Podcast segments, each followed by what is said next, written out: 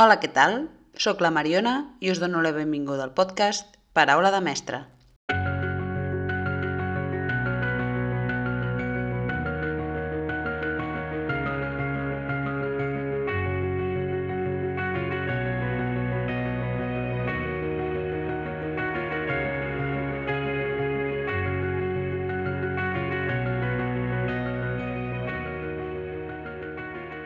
Avui parlem amb Juan Ángel Collado, mestre de formació, professor a la universitat i del màster Teacher MBA i escriptor de diversos llibres sobre neurociència. Avui parlarem amb ell d'això i de com afecta l'activitat física al rendiment acadèmic.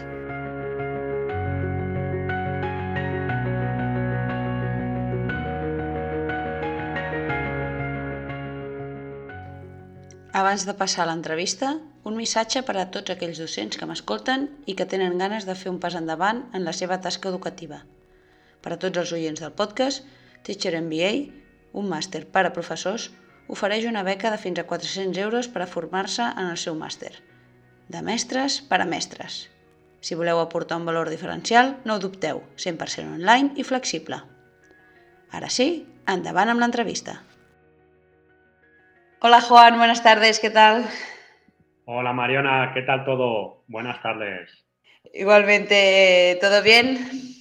Todo estupendo, pues con muchas ganas de iniciar un nuevo curso, un nuevo desafío académico, de regresar a la prácticamente normalidad. Sí. Y, y bueno, con mucha ilusión, con muchas ganas y con mucho deseo de aprender, como cada curso. Genial. Bueno, eh, no te he presentado, pero, pero por los datos que nos has dado ya, eh, presento al entrevistado. Hoy es eh, Juan Ángel, profesor de educación física y, bueno, también relacionado de otros temas que ahora abarcaremos, pero no doy, no doy más pistas. Prefiero que se presente él.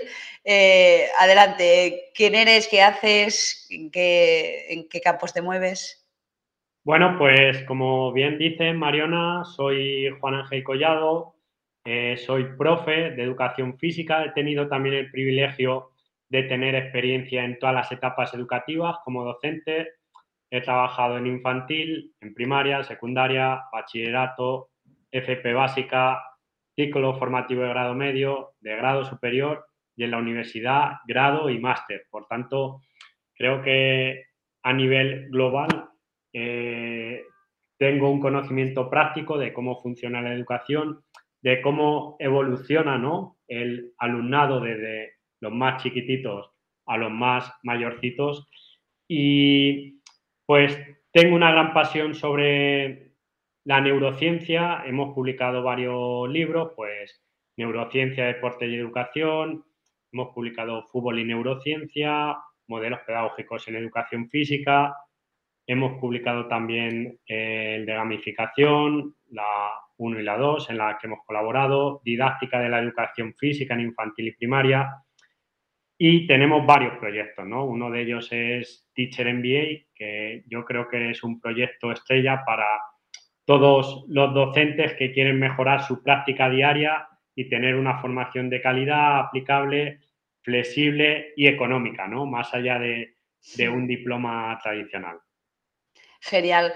Pues bueno, en, estando en tantos, en tantos cursos, eh, la verdad es que debes tener, como has dicho, ¿no? Un, una visión muy global de, de, todas las edades, así que un ejemplo como, como el tuyo nos, será muy útil. Pues bueno, empezamos, si te parece, con la palabra mágica para que no conozca esta palabra, qué es la neurociencia, plasticidad neuronal qué, y qué relación tiene todo esto con el aprendizaje. Pues mira, vamos a empezar definiendo la neurociencia según la RAE, que dice que es la ciencia que se ocupa del sistema nervioso o de cada uno de sus diversos aspectos y funciones especializadas. Es decir, esto trasladado al terreno más práctico, es la ciencia que estudia la estructura funcional del órgano del aprendizaje, en este caso del cerebro. Y vamos a conectar con la pregunta que decía, ¿y qué relación tiene con la plasticidad neuronal? ¿no? Decía el padre de la neurociencia moderna, Ramón y Cajal, que todo ser humano, si se lo propone, puede ser escultor de su propio cerebro, ¿no? De manera que la plasticidad cerebral hace referencia a la capacidad que tiene el ser humano de aprender. Vale. Dice Begoña Ibaerola que el cerebro está continuamente aprendiendo y por tanto está continuamente recableándose. Algunos datos. Un cerebro adulto alberga 86.000 millones de neuronas y cada neurona puede conectar con unas 1.000 o 10.000 neuronas más. De manera que tenemos 10 elevado a 14 conexiones sinápticas. Es decir, ponemos un 1, 14, 0 y nos da una infinidad de conexiones sinápticas.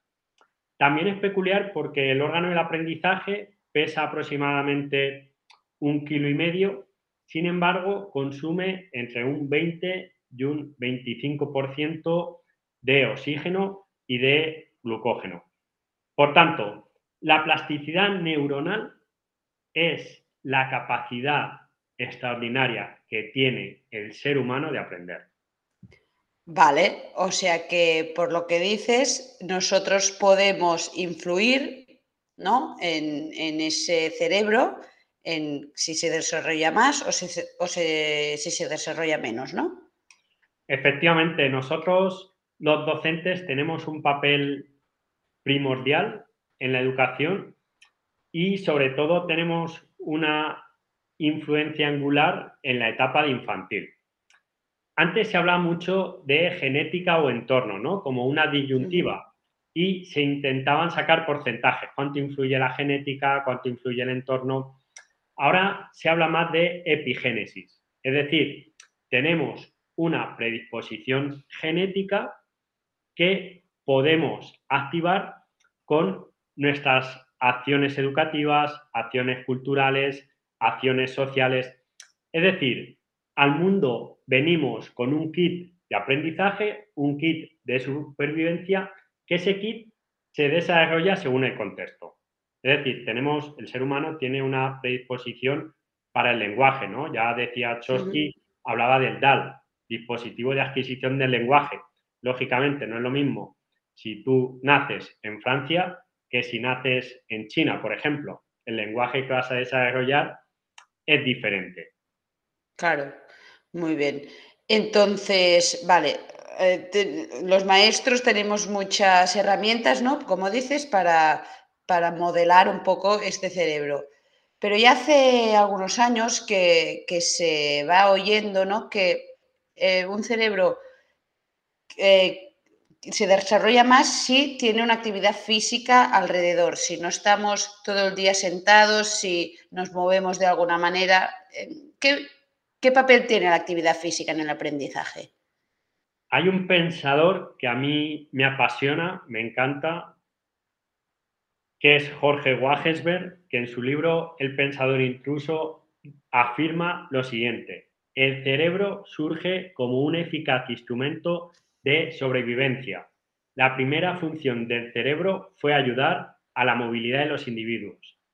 Es decir, el ser humano, su filogenética, hemos evolucionado gracias al movimiento y ahora estamos en una sociedad excesivamente sedentaria. Contestando a la pregunta, ¿qué beneficios tiene la actividad física en el aprendizaje? Pues se produce un incremento de, del volumen del cerebro en materia gris y blanca. Mayor vascularización u oxigenación cerebral. Neurogénesis o aparición de nuevas neuronas en el hipocampo, que es el área o la estructura de la memoria. Densidad de las espinas dendríticas, es decir, una neurona conecta con otra neurona con sinapsis. Pues con el ejercicio se fortalece dicha sinapsis. Y además, a través del ejercicio físico se genera el BDNF, ¿vale? Que contribuye al desarrollo cerebral, por un lado, y también a la reserva cognitiva. ¿Esto qué significa? Que si yo tengo predisposición, imagínate Mariona, para desarrollar una enfermedad neurodegenerativa, si yo soy físicamente activo, ese tiempo se va a posponer. Es decir, en vez de desarrollarla, imagínate a los 65, a lo mejor la desarrollo a los 75. Y además, el impacto va a ser menor. Por tanto, yo creo que todos los profesionales de la educación en general y los profesionales de la educación física en particular debemos tener los brazos abiertos hacia todas las investigaciones que hay en neurociencia porque están confirmando una cosa y es que si la educación física no es la asignatura más importante, que lo es, al menos sí que es la más necesaria. Vale, una frase muy aclaratoria. Entonces, entiendo básicamente que un niño que se mueve, un niño que hace ejercicio físico, después tendrá más facilidad para aprender o para eh, ser más esponja, ¿no? Para tener más, eh, más aprendizajes en cualquier otra área de, de, no sé, matemáticas o ciencias o lenguas. Así es, hay diversas investigaciones, pues por ejemplo, una de ellas, de mi amigo Daniel Navarre Gardoy, en la cual incrementar las horas de educación física en el currículo escolar no solo, digamos, no repercute negativamente en otras materias, sino que se, incrementa el rendimiento, como bien decías, en matemáticas, en lengua, en inglés, porque como decíamos anteriormente, cuando tú te mueves, lo que favoreces es oxigenar la oxigenación cerebral, ¿vale? Y esa oxigenación cerebral va a facilitar, lógicamente, los procesos de atención, los procesos de memoria, los procesos de aprendizaje y, en, definitiva, ese rendimiento académico. Por eso, un error que todavía se comete en los centros educativos es poner la hora o las horas de educación física al final, ¿no? dicen, venga, las primeras horas cuando los niños y las niñas vienen como más enfocados para matemáticas y lengua y las últimas cuando están cansaditos ya que se vayan a gimnasia. Y precisamente las investigaciones dicen lo contrario. Claro, que hacer un poco de ejercicio antes, después hará más fácil ¿no? que, se concentren y que, y que estén más receptivos en las horas posteriores. Muy bien. Y antes de, tocar otro tema, porque has, dicho que también en el futuro, si hemos sido activos, si hemos eh, hecho ejercicio, ¿no? Después tenemos menos posibilidades o mm, tendremos una, las, enfermedades neuronales serán menos eh, dañinas o tendrán menos impacto. Eso es. Por un lado, digamos que se demora la posible aparición de algún tipo de enfermedad de neurodegenerativa. Y por otro lado, se amortigua su impacto. Vale, o sea que también lo que hacemos ahora dependerá mucho también de, los resultados o tendrán consecuencias en el futuro.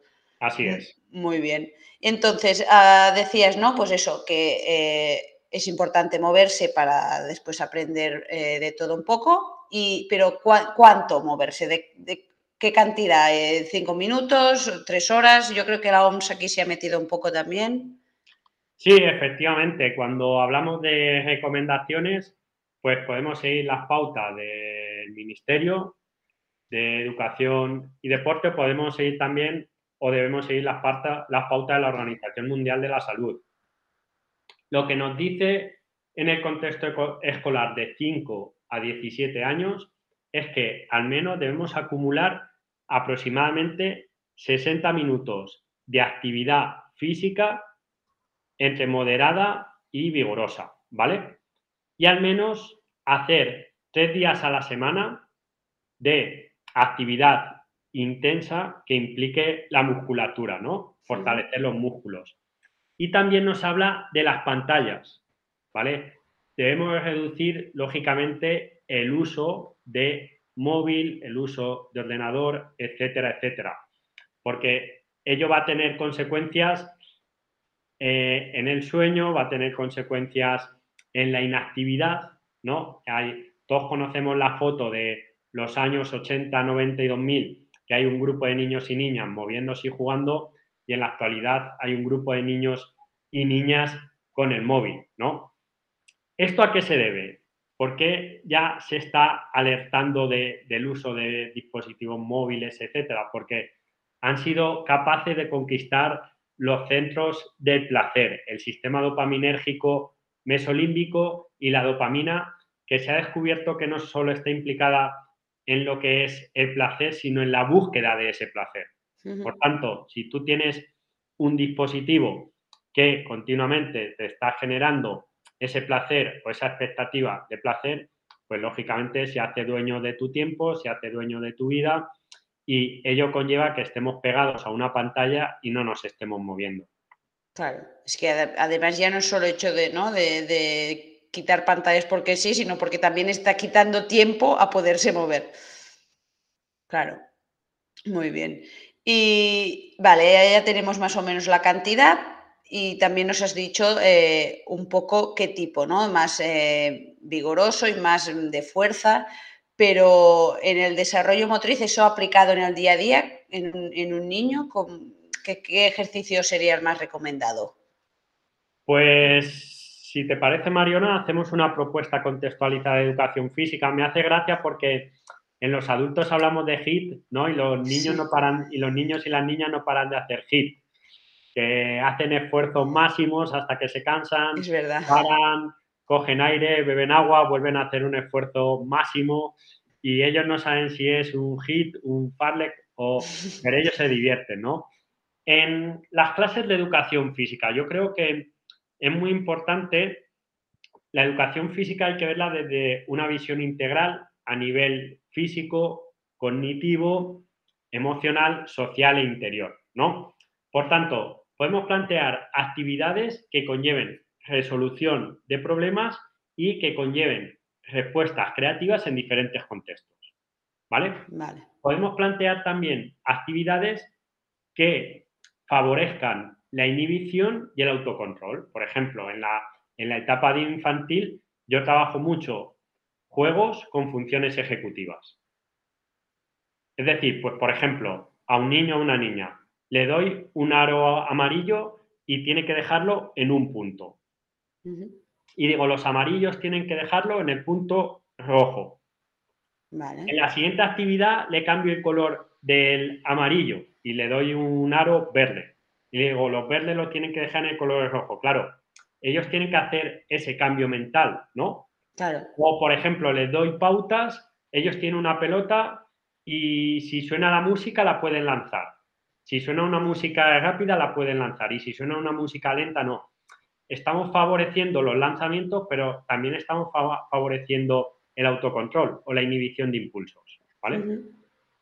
Luego también contextos enriquecidos, donde se potencie la sorpresa, la novedad. Es muy importante introducir en nuestras clases variedad. ¿no? Hoy en día hay muchas baterías de juegos creativos, de juegos Em, cooperativo, de desafíos, etc. También es muy importante que a los retos físicos le incluyamos un desafío cognitivo. Es decir, a veces en grupo, eh, pues por ejemplo, antes de hacer, pues imagínate un desafío cooperativo, tienen que resolver un problema matemático. Eso también es muy importante. Y en definitiva, decimos que hay que plantear actividades motrizmente activas, emocionalmente divertidas, socialmente cooperativas y cognitivamente significativas. De esta manera estamos contribuyendo al desarrollo integral de la persona, porque yo creo que ya educación física, solo física, se queda muy corto. Creo que nosotros tenemos una influencia en la persona 360 eh, grados.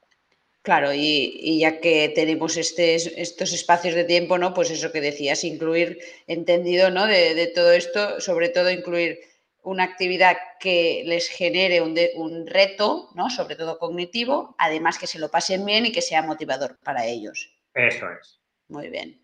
¿Y cómo ves, eh, tú crees que este tipo de actividades hoy en día en, las escuelas, en la, ¿Cómo ves la, asignatura de educación física en, las escuelas en general españolas? ¿Siguen este, este camino o, están más eh, atrasados?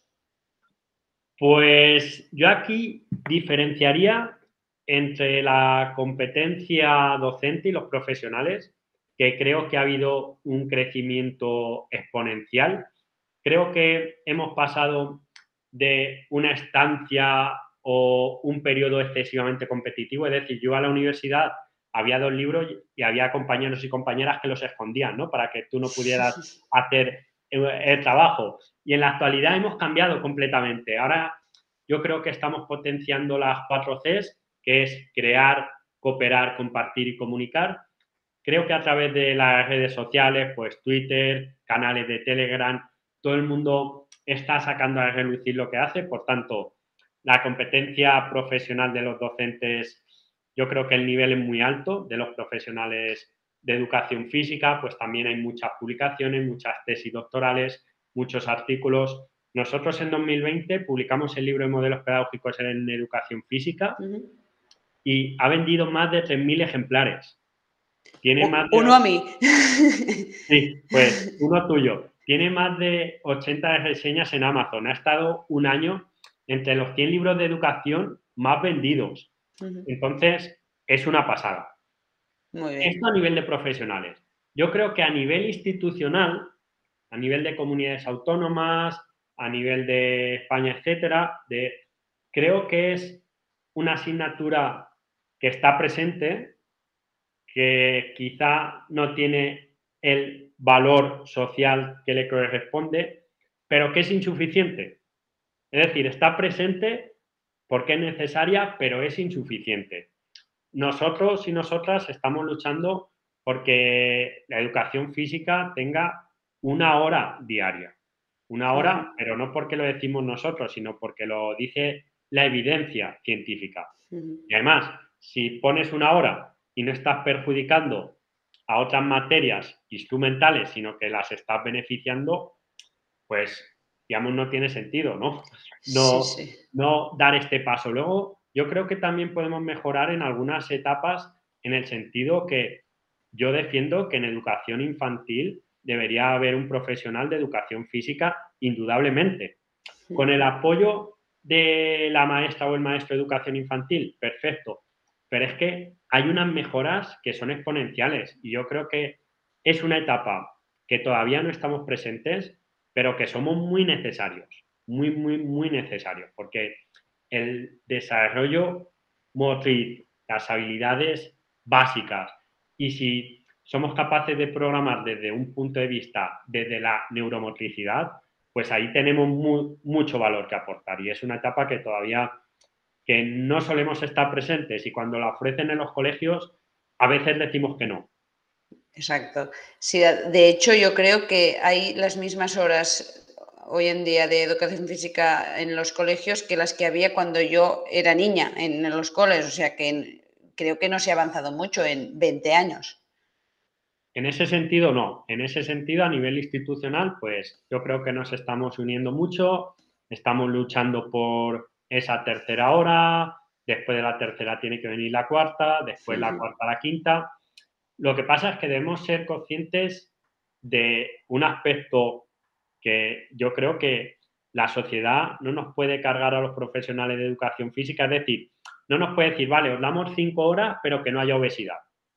Claro. Es como, suele pasar que en el comedor los niños y las niñas hacen cinco comidas y si calculamos siete días a la semana por tres comidas son 21, es decir, un porcentaje mínimo está en el colegio, no le podemos echar la responsabilidad al cole de que no se come bien o de que no se generan hábitos.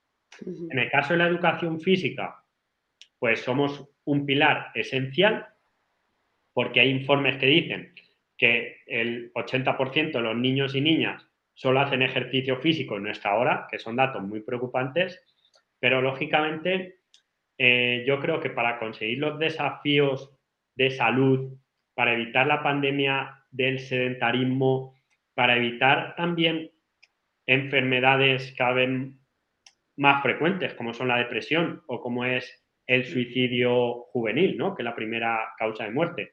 Pues yo creo que el ejercicio físico es un pilar básico, debemos incrementar las horas. Debemos también colaborar con compañeros y compañeras, debemos también colaborar con instituciones, debemos colaborar con los políticos, debemos hacer generar sinergias. ¿Y crees? Perdona, perdona, dime, sí, sí. Decía que a nivel de nuestra asignatura, nuestra materia, fíjate, eh, recientemente el valor de la educación física ha hecho un congreso de metodologías activas. La semana que viene hay un congreso CIEF 2 brillante. Hay otro congreso de DUFI saludable. Es decir, que en nuestro ámbito nos estamos moviendo y formando muchísimo. Pero todavía queda mucho por hacer. Claro, ¿y qué crees que eso de qué queda por hacer o qué crees que puede mejorar aún vuestras eh, ideas o vuestras metodologías en clase? Pues mira, eh, yo creo que debemos ser en primer lugar valientes. Normalmente cuando hay cambios hay muchos errores, hay muchos fracasos, pero lógicamente, como dice Giacomo Ricciolati, que fue el científico descubridor de las neuronas espejo, un cerebro que actúa es un cerebro que comprende. Por tanto, si queremos dar el salto a modelos pedagógicos y metodologías activas que ponen en el punto principal del aprendizaje al alumnado, debemos ser conscientes que nos vamos a equivocar, que vamos a fracasar, que vamos a tener muchos errores, pero que yo creo que al final todos y todas queremos que una sociedad mejor, una sociedad más saludable, una sociedad más justa, una sociedad más equitativa, una sociedad más inclusiva. Por tanto, pues debemos dar ese paso y, acercarnos al cambio y salir de la zona de confort. Muy bien. Y así, una, relacionando, un poco, hemos dicho, ¿no? Has dicho que aumentar las horas de, educación física en los colegios es, básico, pero ¿cómo verías eh, también dar un poco de, o incluir la actividad, no, de una clase, pero un poco de actividad física en las clases magistrales? ¿Cómo, cómo verías esto? ¿Es positivo? Sí, yo, em, a ver, voy a tirar una lanza a favor de las clases magistrales, porque si una clase magistral es magistral, es bueno.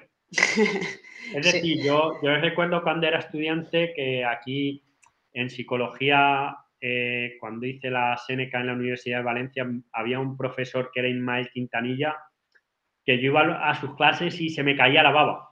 Estaba una hora sentado y se me caía la baba. Entonces, por un lado, una clase magistral que es magistral y que es buena, yo creo que no es incompatible con incluir la actividad física y el movimiento en otras clases. ¿Cómo?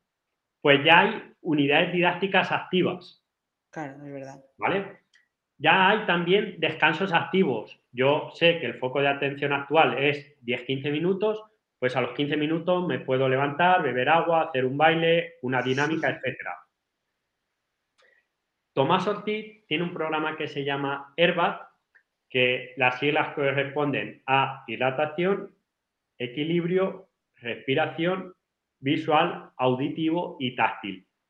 Y se recomienda hacerlo antes de empezar una clase magistral para activar el cerebro a nivel subcortical. ¿Cómo se puede hacer también? Pues lógicamente no es lo mismo una metodología de mando directo que metodologías más activas, pues con aprendizaje basado en proyectos, donde el alumnado puede estar levantado, puede estar moviéndose, puede estar hablando. Es decir, ese concepto sí hay que cambiarlo. Yo el concepto de un profe o una profe en la pizarra dando una clase magistral horas, horas y horas, yo ahora me pongo en el papel de un alumno o una alumna y creo que no aguantaría en la silla ni, ni cinco minutos. Y, entiendo entonces que con estas metodologías más activas propiciamos ¿no? a que el aprendizaje, aparte de ser más, más significativo, les, les, acabe llegando mejor la información, ¿no? Que, no sea un entrar y en cinco minutos se me ha olvidado. Efectivamente, cuando yo creo que cuando el alumnado es el protagonista, cuando el alumnado tiene un papel principal y cuando el alumnado es parte de la clase, lógicamente el aprendizaje y la memoria es mucho más significativo. Te voy a poner un ejemplo, Mariona. Yo cuando estaba en ciclos formativos, yo los estilos de enseñanza, los apuntes, para que te hagas una idea, era un tweet. Ah, mira. ¿Por qué? Porque cuando estábamos enseñando los estilos de enseñanza, lo hacíamos a través de la práctica. De manera que a través de esa práctica, el alumnado, digamos que iba haciendo juegos, actividades que se correspondían a cada estilo de enseñanza. Y se iban recogiendo fotos, ¿no? Fotos más significativas. Luego al final se explicaba qué estábamos haciendo, cómo y por qué. Y entonces el alumnado llegaba al examen y no tenía que estudiar, porque ya había vivenciado el estilo. Y luego tenía que proponer una actividad, un juego, un deporte con ese estilo. Vale, claro. Por tanto, una metodología, yo creo, más inductiva, en la que a través de la práctica se llega a la teoría, es mucho más significativa que una propuesta de teoría a la práctica. Porque cuando tú haces la práctica, no solo estás vivenciando los aciertos, sino que sobre todo estás vivenciando los errores. Y te estás planteando muchas preguntas. De manera que cuando das la teoría, como tú ya has experimentado esa práctica, pues es mucho más fácil de, de asimilar. Y luego también creo que algo muy complicado que estamos mejorando muchísimo en la evaluación. Yo creo que un buen profesional que sabe evaluar las clases, como que sabe dónde tiene que llegar. Sabe, en qué fijarse, no solo en la nota, sino, sino en qué habilidades tienen los chicos, ¿no? Eso es. Muy bien. Muy bien, pues, eh, ostras, eh, súper interesante lo que estás diciendo. Y por otra parte, yo también me pregunto, eh, claro, estos niños, aparte de moverse, tal, siempre se ha dicho que los niños, y también los adultos, ¿no? Pero que los niños, eh, para retener todo esto que aprenden, tienen que descansar. ¿Eso es cierto? ¿Es importante? ¿No es importante? Es vital. El descanso y el sueño es vital. Yo creo que para tener una buena salud, eh, ya hemos hablado mucho del movimiento, no podemos obviar la alimentación, y lógicamente el sueño entre los adolescentes, el primer problema que existe es que no se duerme ni en cantidad ni en calidad. De hecho, durante el sueño es como si llevásemos al cerebro a un taller, ¿no? Y este descanso en la actualidad, ¿por qué se está viendo imposibilitado? Pues, en primer lugar, porque los adolescentes son más búhos, ¿no? Eh, digamos que tienen un rendimiento mayor por la noche, se quedan pues, por la noche estudiando, repasando, digamos, como conductas proactivas y deseables, o se quedan con el móvil, como conductas más indeseables. Las pantallas alteran el sueño, mucho, mucho. Y no solo ver la pantalla, imagínate que yo te escribo un WhatsApp a las once y pico de la noche, porque mañana tenemos una entrevista a las 8. Y yo me voy a la cama. Lógicamente mi sueño va a estar alterado. ¿Por qué? Porque mi cerebro está esperando tu respuesta. Por tanto, cuando esto, un adolescente publica un baile en TikTok, eh, una, un tweet o lo que sea, o en Facebook, que le den un like, esa expectativa del like ya no permite un sueño de calidad. ¿Vale? Porque estamos como alterados, estamos como activados, además del uso de las pantallas. Si a esto le unimos que un adolescente se va a la cama muy tarde y se tiene que levantar muy pronto para ir al instituto, lógicamente van dormidos y dormidas. Tan importante es el sueño que en los periodos, digamos, de más desarrollo cerebral se necesitan más horas de sueño. ¿Por qué los bebés duermen tanto? Porque es un proceso, digamos, volcánico de cambio, de aprendizaje, de desarrollo. En los adolescentes es de vital importancia y ahora mismo está siendo el primer problema de cara al aprendizaje. O sea que entiendo que ya no es solo salud, que también, sino que eh, influenciará después en cómo rendirán en la escuela también. Muchísimo, muchísimo. De hecho, em, un adolescente debería dormir entre 8 o 10 horas y muchos van al instituto durmiendo 5, 6 y, y de mala calidad. Entonces, yo creo que es algo que, que debemos insistir, que debemos mejorar, que debemos generar sinergias con la familia. Es decir, aquí que un adolescente vaya a su habitación y utilice el móvil, pues lógicamente un docente puede influir, pero no lo puede controlar.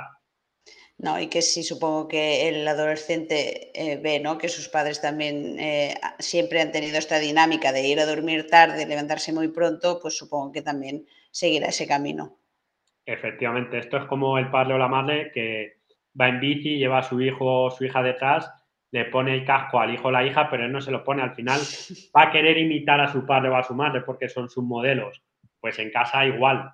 Yo creo que, sobre todo, eh, estos hábitos hay que generarlos en la etapa de infantil. Si un niño de, o una niña de 1, 2, 3, 4 años ve constantemente en su núcleo familiar a su padre o a su madre con el móvil o van paseando el carrito y van con el móvil, pues lógicamente el niño o la niña que en esa etapa se aprende por imitación va a querer usar el móvil.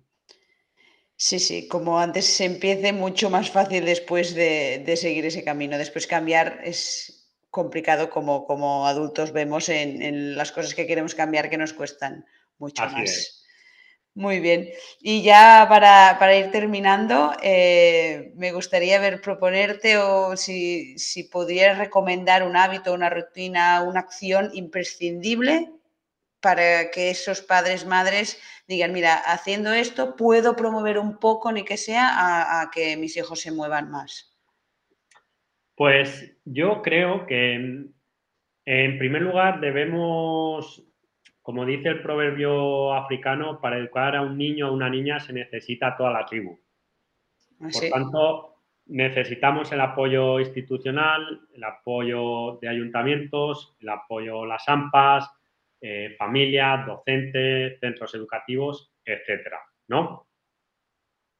Yo quiero que mi hijo o mi hija se mueva, voy a moverme yo, ¿no? Voy a proponerle eh, actividades que sean chulas, que sean desafiantes, que en la montaña, en el mar, en la piscina, en los parques, voy a, digamos, voy a divertirme jugando con mi niño y con mi niña, lógicamente. Si son pequeños es más fácil. Si son adolescentes, el grupo de iguales tiene una gran influencia. Pues lo que tenemos que hacer es darles facilidades. por ejemplo, creo que fue en Islandia que, digamos, que les abrieron las instalaciones durante el día, durante la noche a los adolescentes. Entonces, bajó mucho la tasa de consumo de alcohol. Lógicamente, si por la por la noche la única opción que tiene un adolescente es el botellón, pues al final es lo fácil. Y debemos crear contextos, hay una palabra que a mí me gusta mucho que es nudge, N-U-D-G-E, ¿vale? Es en inglés, nudge. Vamos a ver eh, un programa de movilidad de una ciudad. Yo he estado viviendo en Madrid y en Valencia. Vamos a hacer una comparación, aunque son odiosas las comparaciones. Yo en Madrid, si me quería mover, me pintan en un carril del coche una bici y me dicen, venga, usted puede pasar por aquí. Yo puedo pasar, pero no estoy tan loco. ¿Vale? ¿Por qué? Porque al final, si yo quiero favorecer la movilidad peatonal o en bici, voy a quitar carril coche. Y voy a ampliar las aceras y voy a hacerlas segura, ¿no? Pintando una bici en un carril coche, yo ni loco voy a ir en Marley con la bici. Vamos, ni loco. Eh, por ejemplo, aquí en Valencia tenemos la suerte de que hay un parque, que es el Jardín del Turia, que cruza la ciudad de oeste a este. Y además hay mucho carril bici, seguro, protegido, etc. Claro, yo en Valencia cuando voy a trabajar voy en bici. ¿Por qué? Porque, entre comillas, la ciudad me está obligando a ir en bici, porque si voy en coche necesito plaza de garaje, voy a contaminar, voy a gastar gasolina, etcétera, etcétera. Tardarás más seguramente por el tráfico. Por tanto, debemos crear contextos que, entre comillas, obliguen a el niño, a la niña, al adolescente a moverse, a practicar actividad física, que sea algo divertido, que sea seguro, que sea saludable. Y de esta forma estoy contribuyendo al bienestar de los ciudadanos y ciudadanas. Entonces, yo creo que cada vez más debemos crear estos contextos. Lógicamente, en los patios, si yo en los patios saco una propuesta de juegos inclusivos, juegos divertidos, juegos coeducativos, pues voy a favorecer más la movilidad, voy a favorecer más el movimiento, voy a favorecer más la actividad física que si solo se saca un balón.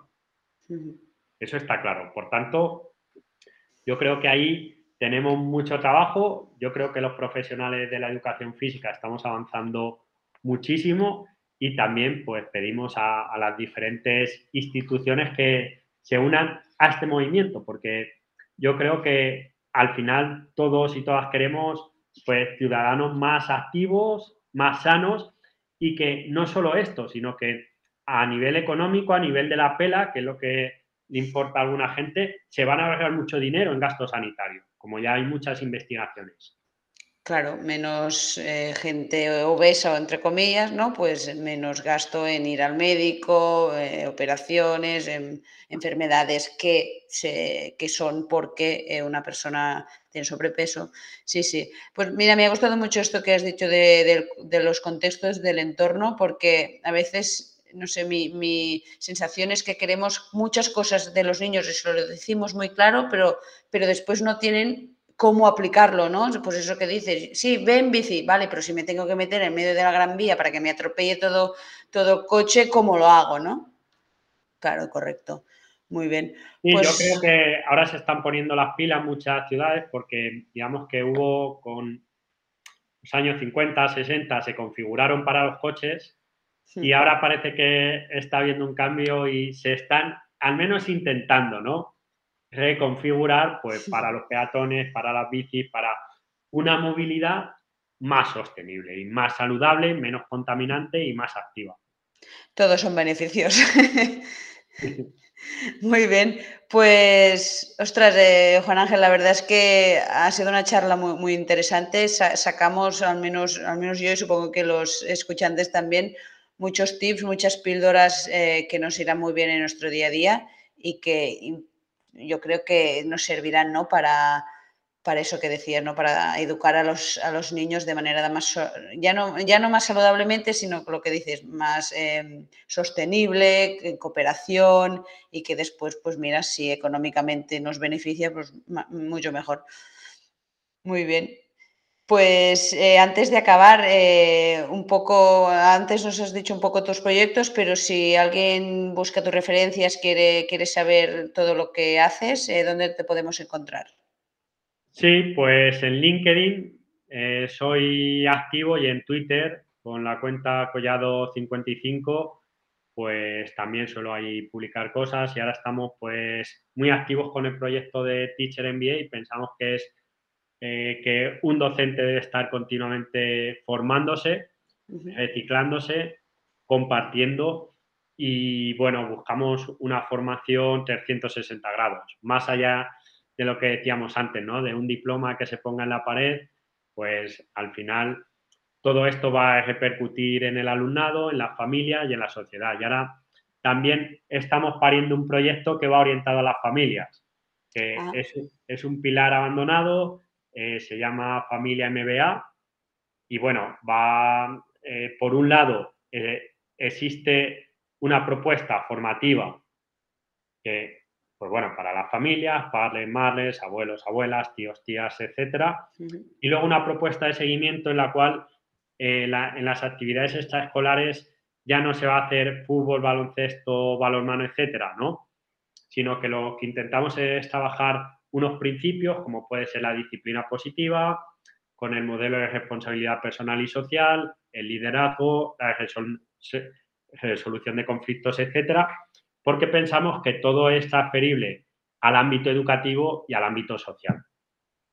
Genial, pues eh, todo esto que nos has dicho, todas estas referencias, las pondremos en las notas del episodio, tanto en, bueno, en, Spotify no se pueden ver, pero si entráis en, la web del, podcast lo tendréis todo enlazado.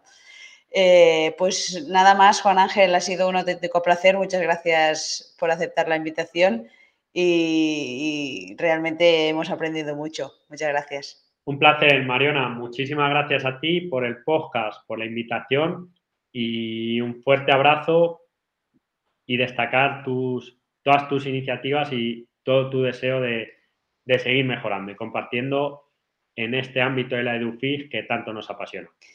Sí, me quedo con esto, el compartir, que es muy importante hoy en día. Pues hasta la próxima, un abrazo. Un abrazo. I fins aquí l'episodi d'avui. Espero que us hagi agradat. Com sempre, deixo a les notes de l'episodi tots els links, enllaços i referències que hem comentat a l'episodi. I recordeu, només per oients de Paraula de Mestre, teniu una beca de fins a 400 euros del màster Teacher MBA. Només cal que us poseu en contacte amb mi. Res més. Ens escoltem a la propera. Abraçada!